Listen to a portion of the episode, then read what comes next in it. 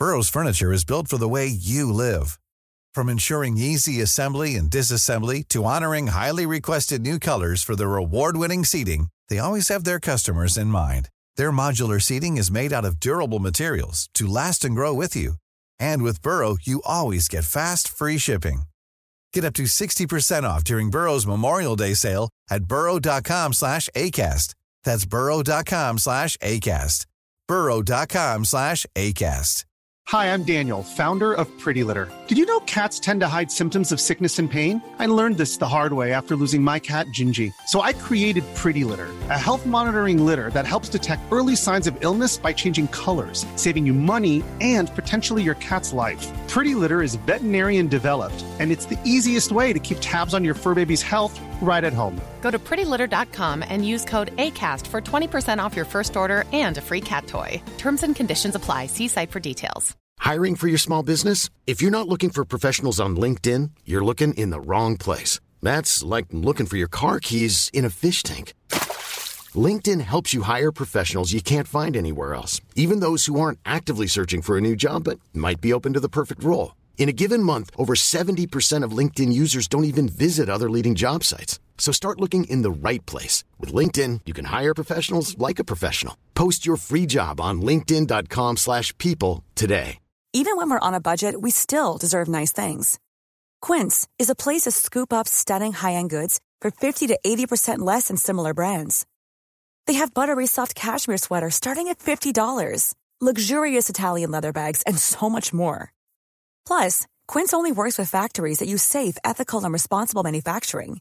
Get the high-end goods you'll love without the high price tag with Quince.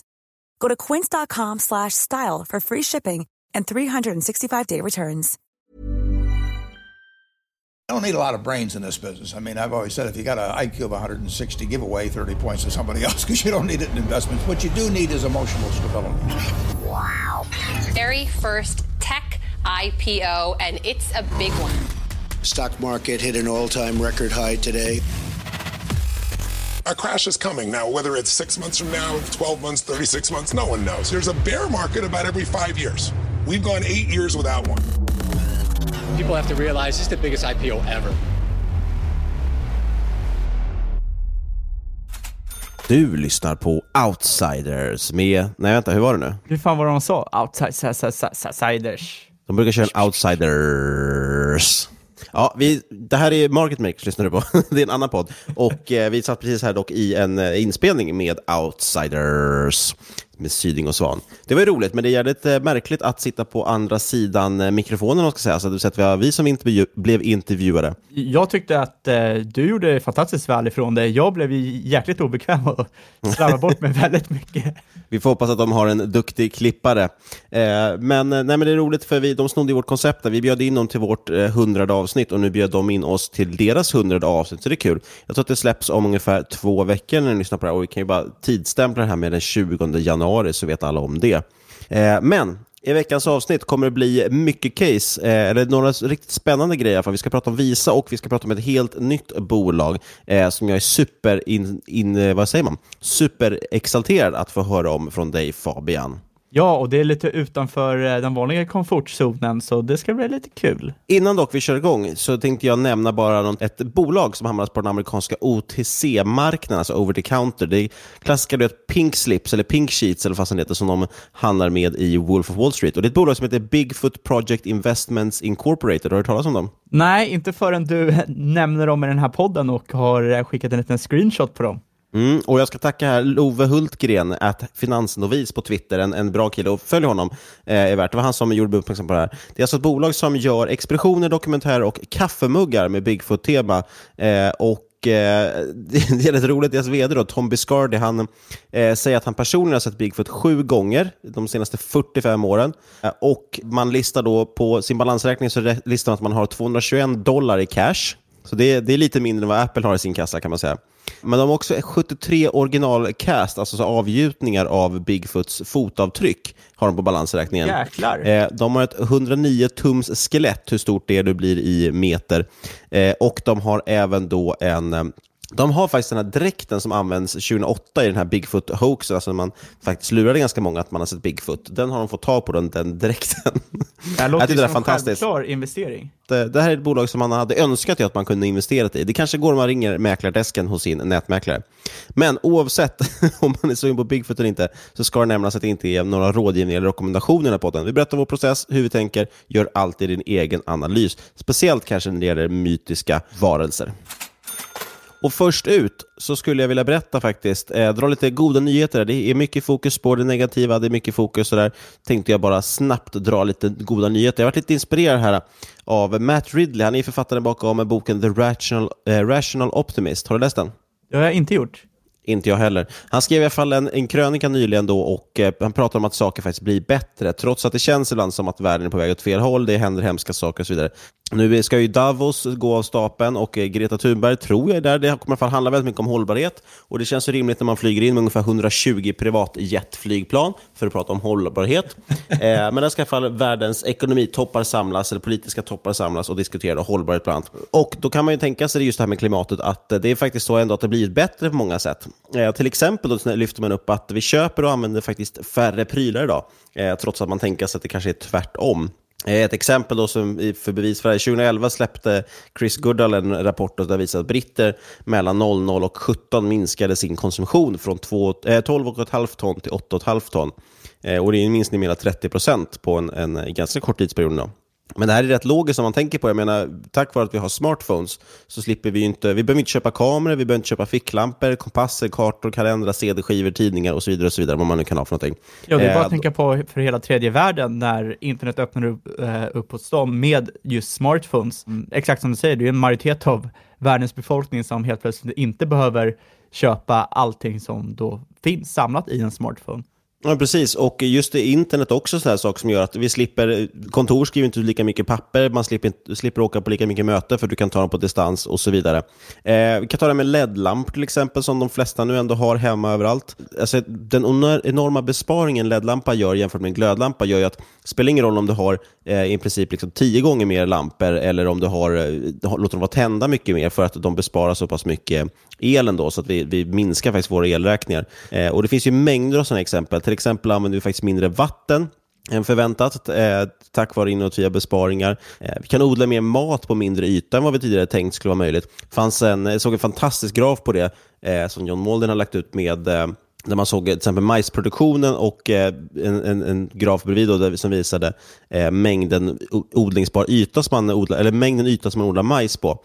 Och mängden yta man odlar på är i princip konstant medan majsproduktionen då har i princip femdubblat. Och det är tack vare saker som att vi har förbättringar i jordbruk, GMO och sådana saker som eh, alla ekofantaster vill stoppa då förstås, men det är en annan historia. Eh, och Eh, vill man fortsätta på det här temat, tycker man det känns härligt, så kan man faktiskt kolla in Future Crunch. De har en sida som heter Good News. Vi kommer länka till den i avsnittsbeskrivningen. Eh, jag måste bara säga att det är skönt. Det är en nyhetssida som enbart har goda nyheter och eh, liksom genombrott och sådär inom medicin. Och Det är faktiskt så balsam för själen. Det känns som att man, man inser hur invan man är vid att lyssna på eller läsa negativa nyheter. Man förväntar sig att det ska vara negativt, så det blir nästan som att det krockar när man läser goda saker. Och vet du vad det leder mig in på, det här allt det optimistiska? Vad ledde det in på, min kära vän? Jo, sentimentet på börsen. Det är klart att det finns en börskoppling. Har du märkt av att det känns lite bullish och lite optimistiskt på börsen just nu? Det är lite, lite bullish. Jag har redan gått 8% i år, vilket är helt, eh, helt galet. Vi har ju vår portfölj, vi har ju 24-7 Office, den har ju gått upp 40% year to date. Eh, det är klart att det, det, är roligt när det går bra och jag, jag, säger inte för att försöka att vi, vi är någon fantastiska stockpickers, utan det, det, är bara sanslöst att saker går på det sättet. Eh, men bland 250 investerare som Goldman Sachs eh, frågade på en konferens nyligen så var det mindre än en femtedel som trodde att börsen ska ner i år. Alla andra trodde att den skulle gå upp, gå upp åtminstone 5% eller mer. Eh, de tror inte heller på någon recession. Enbart 5% tror att recessionen kommer 2020. En tredjedel tror 21, en tredjedel 22 och resten 2023 eller senare. Eh, samtidigt har vi hedgefonder, man har rusat in i momentumstrategier, tillväxt och så vidare och det är väldigt få som investerar i småbolag och så kallat värde som man pratar om, det vill säga lägre värderade bolag. Och många institutionella investerare har vi sett nu ökat sina faktiskt i slutet på 2019. Det var en del som var ute och spånade om att det kanske skulle bli ett, ett litet fall här på slutet just för att många skulle säkra hem sina vinster. Men det är tvärtom, folk har ökat sin exponering istället. Kanske för att man vill visa upp då rapporter och så vidare att man är lång aktiemarknaden gått så bra. Så generellt, det är väldigt stretchat just nu. Samma sak gäller belåning, samma sak gäller trendföljande strategier, CTA och så vidare. Och dessutom är ju VIX otroligt låg. Vi har ju, generellt har vi i princip ingen volla i något tillgångsslag. Och det vill jag påstå är till största del på grund av not QE som Fed håller på med. Det vill säga vi har otroliga kvantitativa lättnader som bara bidrar upp marknaden hela tiden. Så det är, ja, det är spännande tider just nu. Eh, frågan är om det, hur fort det kommer falla sen. Om det nu Absolut, kommer göra det. och kanske det ska dra öronen till sig, eller vad man säger, när alla um, slänger in pengar på, eller öser in pengar på börsen. Men alla har ju kapitulerat, precis som vi har nämnt och gjort också, för att likviditeten styr allt och någonstans där brukar det vända. Men det kan samtidigt vara så att det, det fortgår ett, ett år, två år till. Jag försöker fortsätta. Jag tycker att det känns ganska bekvämt att vara lite mer trendföljande, att bara glida med på det här hela vägen upp. Jag tror att man kommer ha god tid att sälja av när det verkligen smäller. Ja, så säger man ju alltid. Och sen ligger man där 70% minus så är det. och står på balkongen. Därför är det viktigt att sälja fort. Det kommer jag återkomma till när vi kommer in på lite investeringsregler sen. Men nu vill jag höra om ditt case, Fabian. Yes, okej. Ett case ligger långt utanför det vi vanligt brukar tala om i eh, techvärlden. Eh, Det är ett bolag som jag fick upp ögonen för för cirka en månad sedan. Vi nämnde ju faktiskt det i första avsnittet för året. Det heter Xpel. XPEL. Exakt, och ticken är väl samma. Och eh, när jag kollade på det för första gången så hade det sju ägare på Avanza. Tyvärr har det skrivits en kortis om det i Placera, eh, vilket fick antal ägare på Avanza gå från sju till hela 56 stycken per söndag den 19 januari, alltså dagen innan vi spelar in det här. Man har fortfarande topp 100 om man köper det nu. Exakt, och anledningen varför Placera skrev om det, jo, för att det är den eh, största avkastaren det senaste decenniet. Eh, det här är faktiskt inget GARP-bolag, alltså Growth at Reasonable Price. Det är snarare ett super-GARP-bolag. Eh, aktiekursen, som sagt, den har gått över 38 000 procent senaste decenniet och har nu ett P på 36 med en omsättningskagger på cirka 40 procent per år. Bara för att förtydliga det, alltså, så de växer sin omsättning med runt, i snitt 40% per år, men P talet ligger på 36. Det låter ju det låter ganska bra. Exakt, och därför vill jag förtydliga att jag, jag kollar me- mer på fundamenten här, det ekonomiska bak, eh, för det här handlar om eh, ett bolag som tillverkar skyddsprodukter för fordon. Det är inte mitt forte, om man säger så, men det jag läser är väldigt intressant. Eh, Fast utvecklar- du gillar ju de här Fast and Furious, så lite bilfilm är du intresserad av. Ja, det är sant. Jag har sett alla sju eller åtta eller fan där. Men tillverkar fönster och skärmskyddsfilm eh, för lackade ytor på bilar och så kallad window tint. Och då den här filmteknologin är så kallad self-healing, den är hållbar och resistent för olika typer av fläckar och eh, smuts som kan degenerera din bil eller ditt fordon. De har dessutom något som kallas för DAP, ett Design Access Program, som är bland annat världens största och mest omfattande, har över eh, 8000 mönster och helt enkelt erbjuder det noggranna och förskurna kit som ska ge bättre passning och tar cirka 25% lägre tid att installera jämfört med konkurrenter. Så bara kortfattat då, då det handlar om skyddsfilm till ditt fordon som är bättre och snabbare att installera än vad konkurrenterna har på marknaden just nu. Att täcka en hel bil med film kostar cirka 4 5 000 dollar. Beror på, beroende på hur mycket man ska täcka. Eh, ska man täcka lite mindre kan det kosta cirka 2 000 för liksom, eh, den främre delen av bilen. Eller kanske man vill täcka någon enskild del och kostar några hundralappar. Det som bestämmer kostnaden är komplexiteten bakom installationen samt hur mycket film som går åt. De har huvudkontor eh, i Kalifornien, men de har börjat expandera globalt, finns nu i sex länder och har över 2400 kunder. Cirka 50% av marknaden i USA, 50% i Kanada, eh, strax under 20% i Kina, vilket är väldigt intressant, och resten är splittat på resten av världen.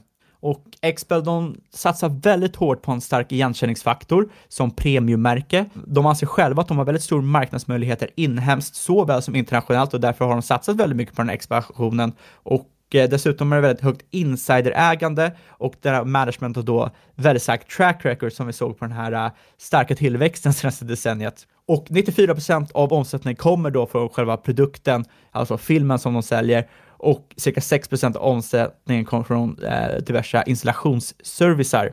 Och som jag sa med det här att man har eh, satsat på internationell eh, expansion. Senaste tre åren har man öppnat europeiskt, taiwanesiskt, heter det taiwanesiskt? Det kan jag inte svara på. Men jag skulle Ja, gissa från på det. Taiwan i alla fall. Europeiskt, taiwanesiskt och ett tyskt högkvarter.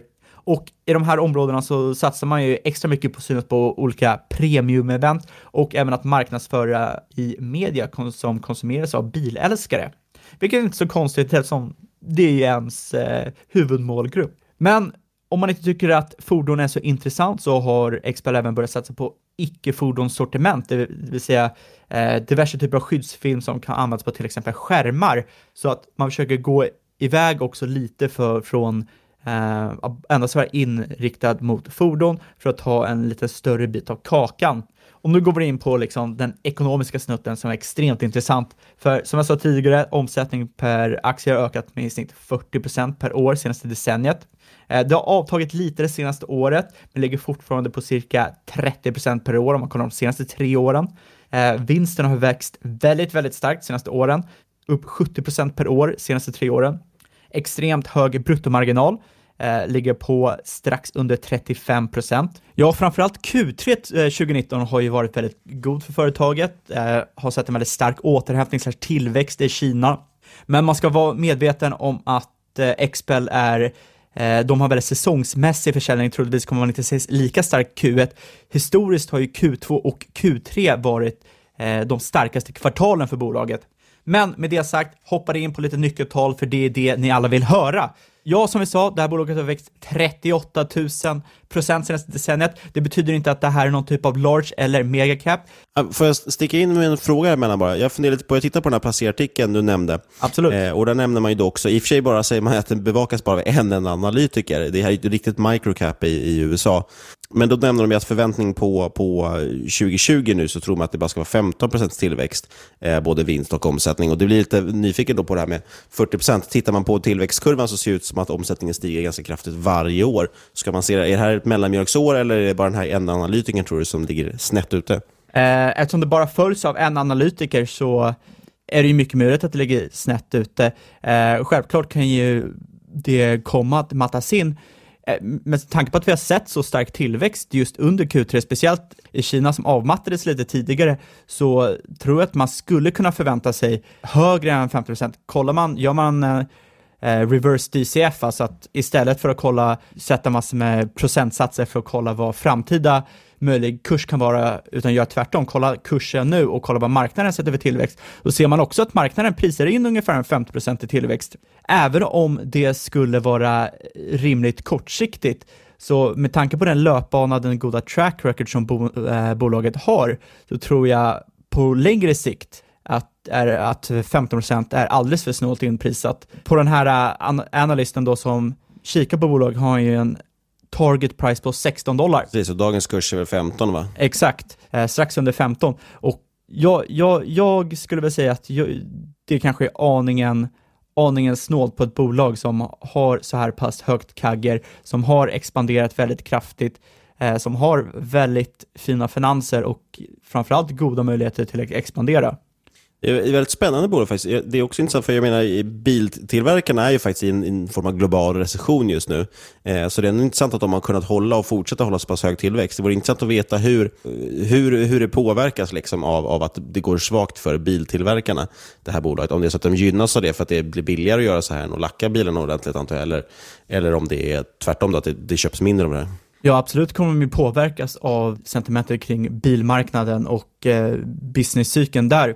Men sen ska man inte glömma bort att kons konsumtionen eller privatkonsumtionen behöver inte nödvändigtvis påverkas heller. Det ser du i andra branscher också, att bara för att det blir en eh, nedgång i en, liksom, den generella marknaden så eh, betyder det inte att konsumenter kommer sluta konsumera. Visst kan det vara så att privatkonsumtionen av bilar kommer gå ner. Det betyder inte att Eh, privatkonsumtionen av att ta hand om sin egna bil kommer gå ner, utan det kommer troligtvis ligga relativt flät eller gå upp i, i och med att man vill ta hand om sin bil. Som sagt, market cap cirka 400 miljoner dollar, så trots den extremt höga tillväxten senaste decenniet så är det fortfarande en väldigt liten aktie.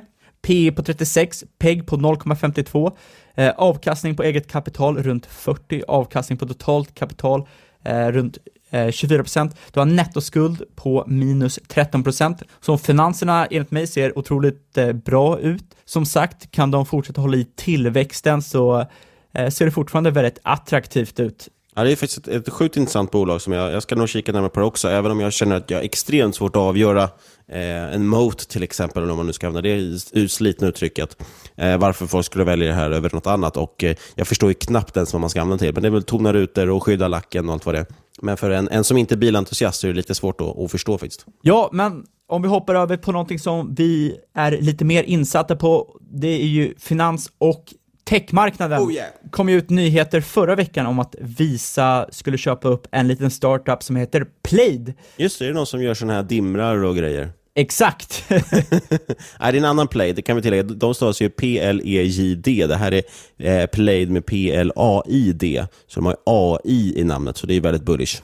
Exakt, och eh, ja, då köpte Visa det här startupen Plaid för 5,3 miljarder dollar, vilket är en rätt saftig prislapp. Fick pengar. Och det gjorde de helt enkelt för att komma in på fintech och appmarknaden. Ja, och vi har ju pratat om Visa förut, men en snabb liten bakgrund där med Visa behöver företag inte erbjuda kredit, eh, driva in betalning, handhålla kontanter och backoffice som man var tvungen att göra för typ 50 år sedan. Det var väldigt jobbigt att driva företag när det bara fanns cash. Nu när Visa finns så ger banken kredit, Visa ger infrastrukturen och företagen betalar en procent av försäljningen. Det är helt enkelt en symbios som alla gagnas av, inkluderar slutkunden. Så då kan man ju fråga sig varför köpte då Visa Plaid? Och till ett PS50. Exakt, så det är extremt dyrt köp och eh, för många kan det verka väldigt konstigt köp. Jag gillade det inte vid första anblick när jag såg den här nyheten. Exakt, för att eh, det är någonting helt annat än vad Visa håller på med. Och då, som sagt, kan man ju ställa sig frågan, varför köpte de på Plaid? Helt enkelt är det så att allt fler konsumenter använder finansiella serviceappar för att till exempel hålla koll på sparande eller spenderande, då är Plaid i mitten av den här relationen och tillhandahåller software som ger appar tillgång till konton eh, för finansiella tjänster.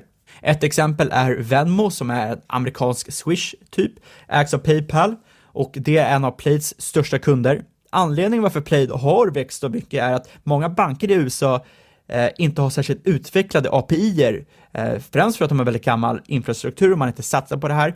Många, väldigt intressant, på många sätt och vis ligger USA väldigt efter. De använder ju fortfarande till exempel remsor på kreditkorten. Och checkar. Och checkar. Dessutom är det väldigt dålig standardisering på de API-er för banker som finns. Det är här Plaid kommer in, de ger en lösning på det här och i stort sett blir det en säker inloggning från kund till bank och det är en standardiserad eh, implementation för eh, programmerare när de vill bygga ut sina egna tjänster. Så då kan de ansluta, ansluta sig till Plaid, kan jämföras med till exempel om du vill starta någon typ av eh, eh, ta någon typ av internetbetalning kan du använda dig av Stripe för att ta emot kreditkort istället för att sitta och bygga ut det själv. Då tjänar ju Plaid pengar både när en användare ansluter sitt bankkonto, vilket oftast är en engångshändelse, samt varje gång en kund använder ett konto för transaktion. Så varje gång du använder Venmo till exempel får Plaid en liten del av avgiften. Och det här kan ju då jämföras med Visa som tjänar en avgift vid varje transaktion. Och här kan man ju se lite hur de tänker. Det, det är någon typ av liknande produkt enligt deras ögon som ger en typ av, ett typ av sätt för dem att komma in på fintechmarknaden. Det som är väldigt intressant med Plaid, som inte jag hade någon koll på tidigare, det är att cirka en fjärdedel i USA har delat sin information med Plaid. Och det är det. Det är väldigt mycket människor. Undrar hur många och, som vet om det? Nej, det är, nej, det är väl den största, det största problematiken. Oftast är man ovetande om det här, eftersom andra appar kan använda sig av Plaid som mellanhand eh, i sin egna tjänst utan att ange det. Och Eh, men man måste ju också ställa sig här, samtidigt som många kanske är väldigt ovetande som det här, väldigt många som vill ha tillgång till den här typen av applikationer som gör deras liv lättare. Och eh, utan Plaid finns det idag ingen alternativ. Men det största problemet med Plaid är i stort sett att eh, kanske de större bankerna som inte vill vara med och leka längre och en anledning är helt enkelt tröghet. Ju svårare det är att flytta pengar, desto större sannolikhet så kommer man låta pengarna Eh, ligga kvar på banken. Om bankerna börjar se att fler pengar flyttas från deras konton till något annan service eller någon annan bank så kanske de inte längre vill vara med och använda Plaid. Däremot får man väl ställa det här på andra, andra sidan och fördelen med Plaid för banker är att eh Eh, så som fintech fungerar i många västländer idag det liknar väldigt mycket hur världen såg ut just för eh, cirka 50-60 år sedan när kreditkort kom ut. Det var väldigt taskig infrastruktur, inget gick på räls, det var väldigt mycket eh, jox runt omkring. Det är egentligen helt tvärtom, man kanske tror att det ska fungera, att det är bara koppla upp sig och köra. Och det är exakt det här Plaid eh, hjälper till med, vilket är extremt stor fördel för bankerna om de då ser det som en fördel som är större än nackdelen att de eventuellt kan förlora pengar på sina konton som de kan dra ränta på. Jag har jättesvårt att tro ändå att man skulle tacka nej till, om man ska jämföra med några saker, låt säga att vi jämför det med just korten då, till exempel. Vilken bank skulle våga gå ut och säga att ja, men hos oss får man inte ha kort, här får du bara ta ut kontanter för det är säkert, för vi vet att ni ska komma till kontoret. Alltså, de skulle ju förlora alla sina kunder om de gjorde det. Och samma sak är kanske mer relevant jämfört med bank-id. Tänk om folk, någon bank skulle plocka bort bank-id för att de inte vill vara med på det längre, eller inte ha Swish. Ja, men då väljer folk bort den banken. Så det är större risk för att, att tacka nej till den här typen av grejer om det blir så pass integrerat som den där. Absolut, och jag tror inte att det är någon särskild issue, men folk kan vara väldigt kortseende ibland. Men eh, Play, det är helt klart en eh, fördel för Visa enligt mig, för det ger en någon liknande typ av nätverk i fintech-världen som eh, kort, kreditkort och olika typer av betalkort har gjort i retail-världen. Och när det kommer till kredit, för, vi släppte ju ett avsnitt om Visa och Mastercard för några månader sedan och eh, då var det många som sa att det var väldigt passé med kreditkort. Och jag tänkte att vi ska ta chansen nu när vänner pratar om Visa att eh, prata lite om det också. Helt enkelt kreditkortsmarknaden kommer inte alls försvinna och eh, framförallt så ser man ju nu att det växer sig ännu starkare. Då har bolag som Stripe och bolag som Apple som gör det ännu enklare att använda kort. Bara för att du betalar via Apple i mobilen så betyder det inte att du inte använder kort eller Mastercard eller Visa, utan de ligger som infrastruktur under det här. Och framförallt var det många som hänvisade till till exempel Kina och det är väldigt enkelt att kolla på just Kina och hur de har det och tro att vi kommer röra oss ditåt. Men då måste man ju tänka på att deras samhälle är väldigt annorlunda från vårat. Eh, Kina var ju helt cashbaserat för tio år sedan eh, och det är ju därför mobilbetalningar blev så stort där. Eh, det var ju ett väldigt enkelt hopp över dit. För oss hoppade vi för tiotals år sedan Eh, från cash till kort. Och båda är extremt stora hopp. Från att använda cash ger extremt stora fördelar från att hålla och använda sig av cash. Men att byta från det ena till det andra, ja, det innebär ju ingen särskilt stor fördel.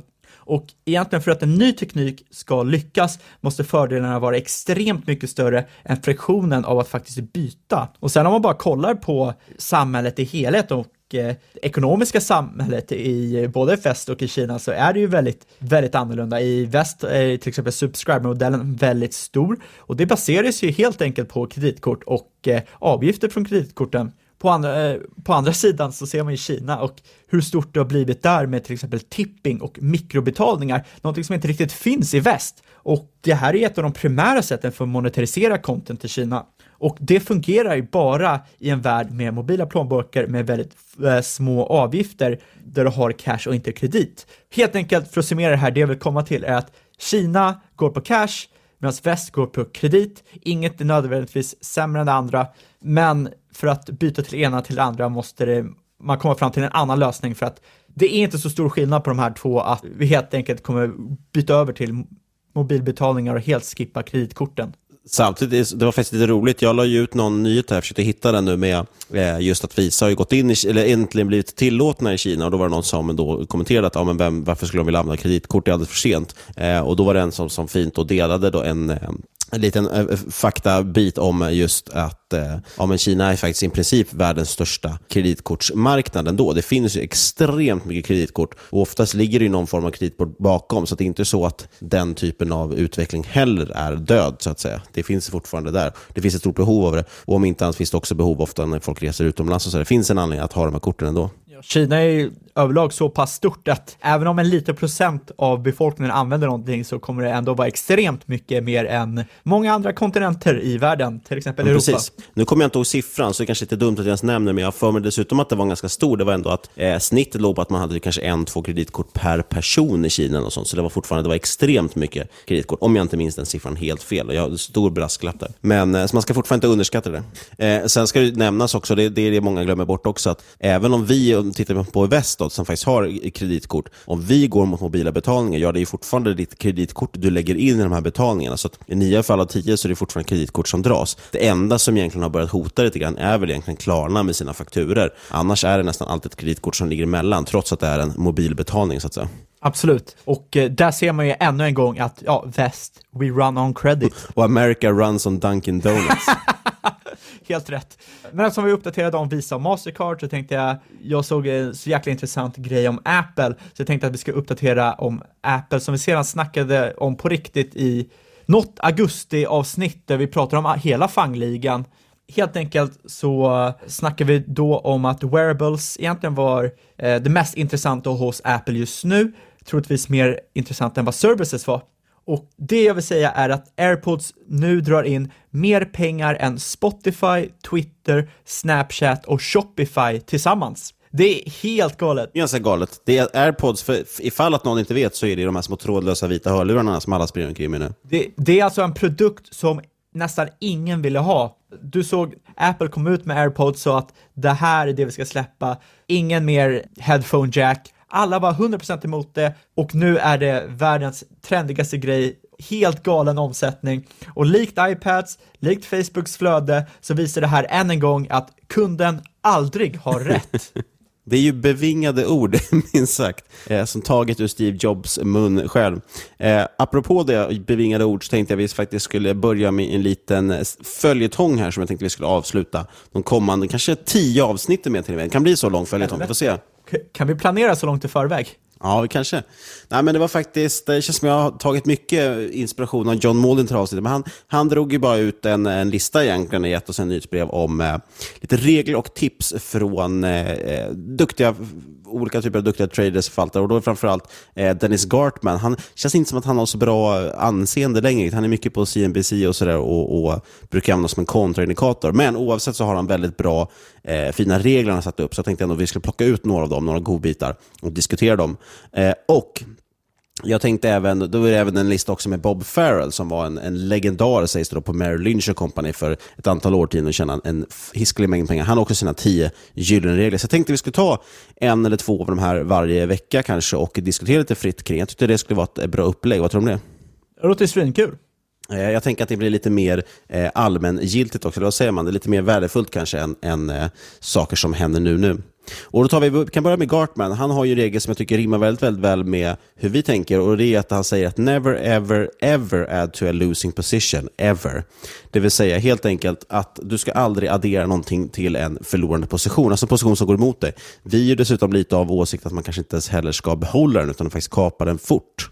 Eh, just för att du aldrig vet vad som kan hända. Det kan, trots att det kan gå, vad ska man säga, trots att det känns väldigt bra, eller det känns som att det har blivit billigare eller någonting, så är det väldigt ofta att det blir eh, väldigt mycket sämre. Det finns en annan regel, det tänkte jag inte ta upp idag egentligen, men han pratar också om att eh, There's, there's never only one cockroach, det vill säga att det finns aldrig bara en kackerlacka. Är det en dålig nyhet som kommer på bolag så brukar det tendera att fortsätta att dyka upp fler saker.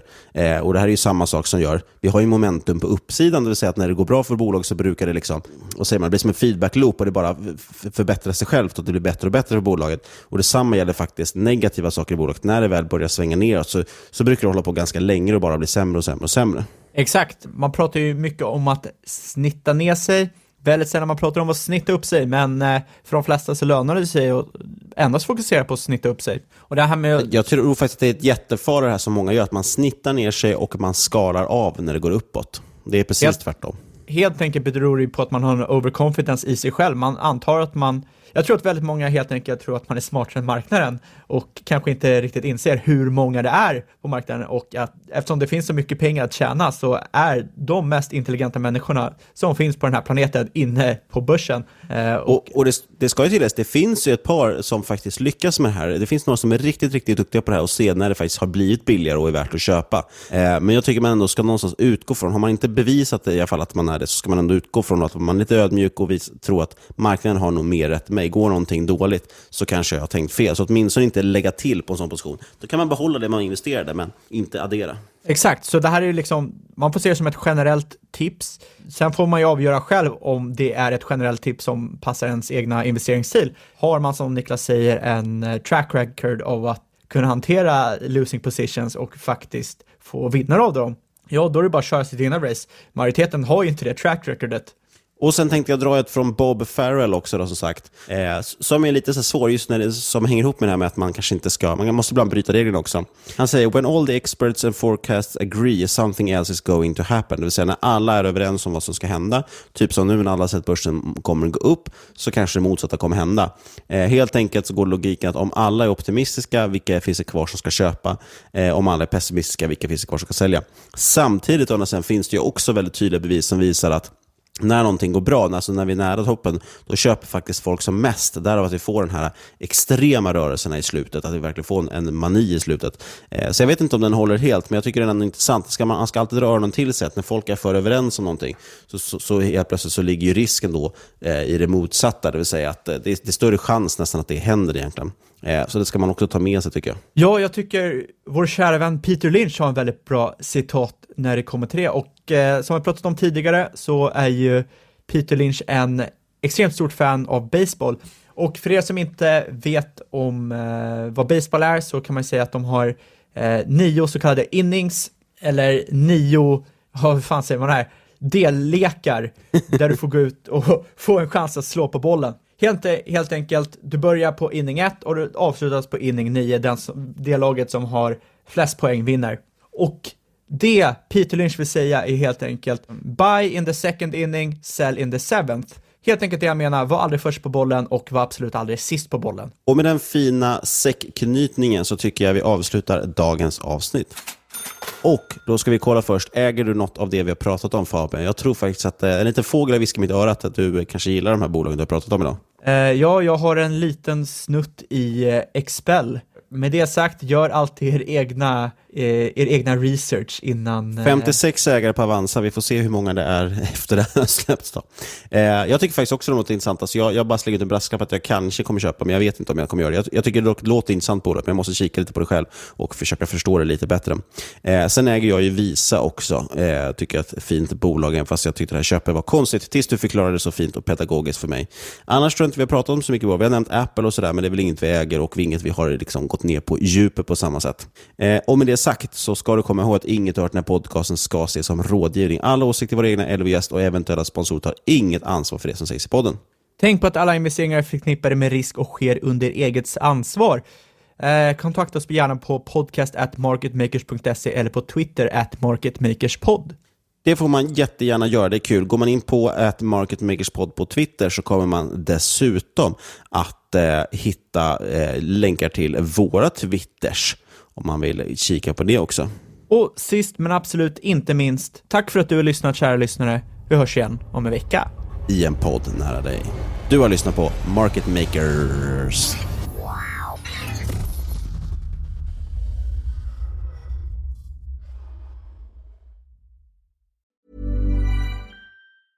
Hey, it's Danny Pellegrino from Everything Iconic.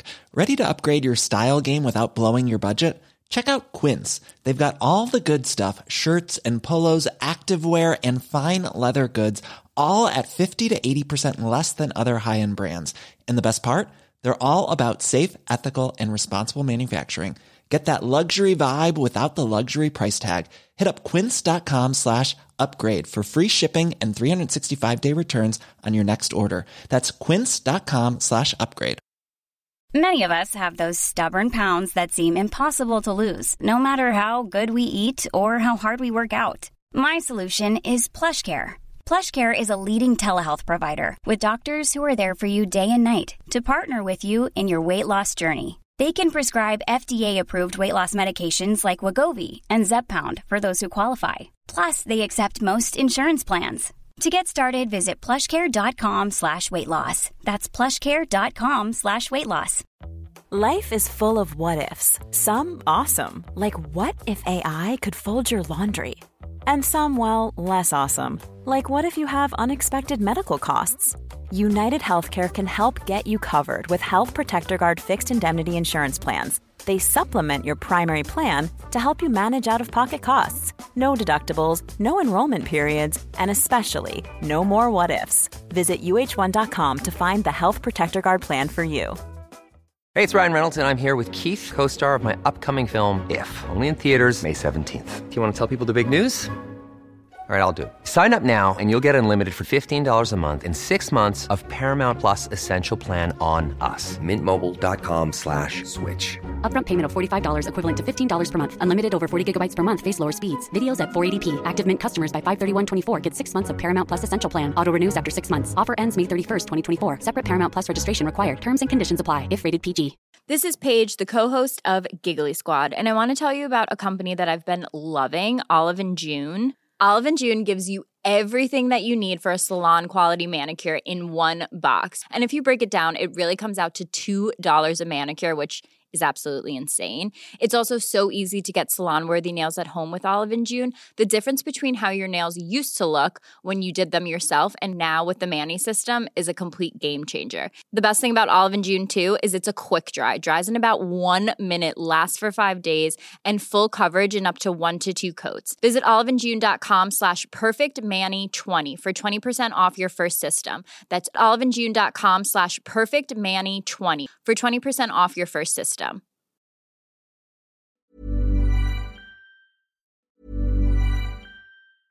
Mom deserves the best, and there's no better place to shop for Mother's Day than Whole Foods Market. They're your destination for unbeatable savings, from premium gifts to show-stopping flowers and irresistible desserts. Start by saving 33% with Prime on all body care and candles. Then get a 15-stem bunch of tulips for just $9.99 each with Prime. Round out Mom's menu with festive rosé, irresistible berry chantilly cake, and more special treats. Come celebrate Mother's Day at Whole Foods Market.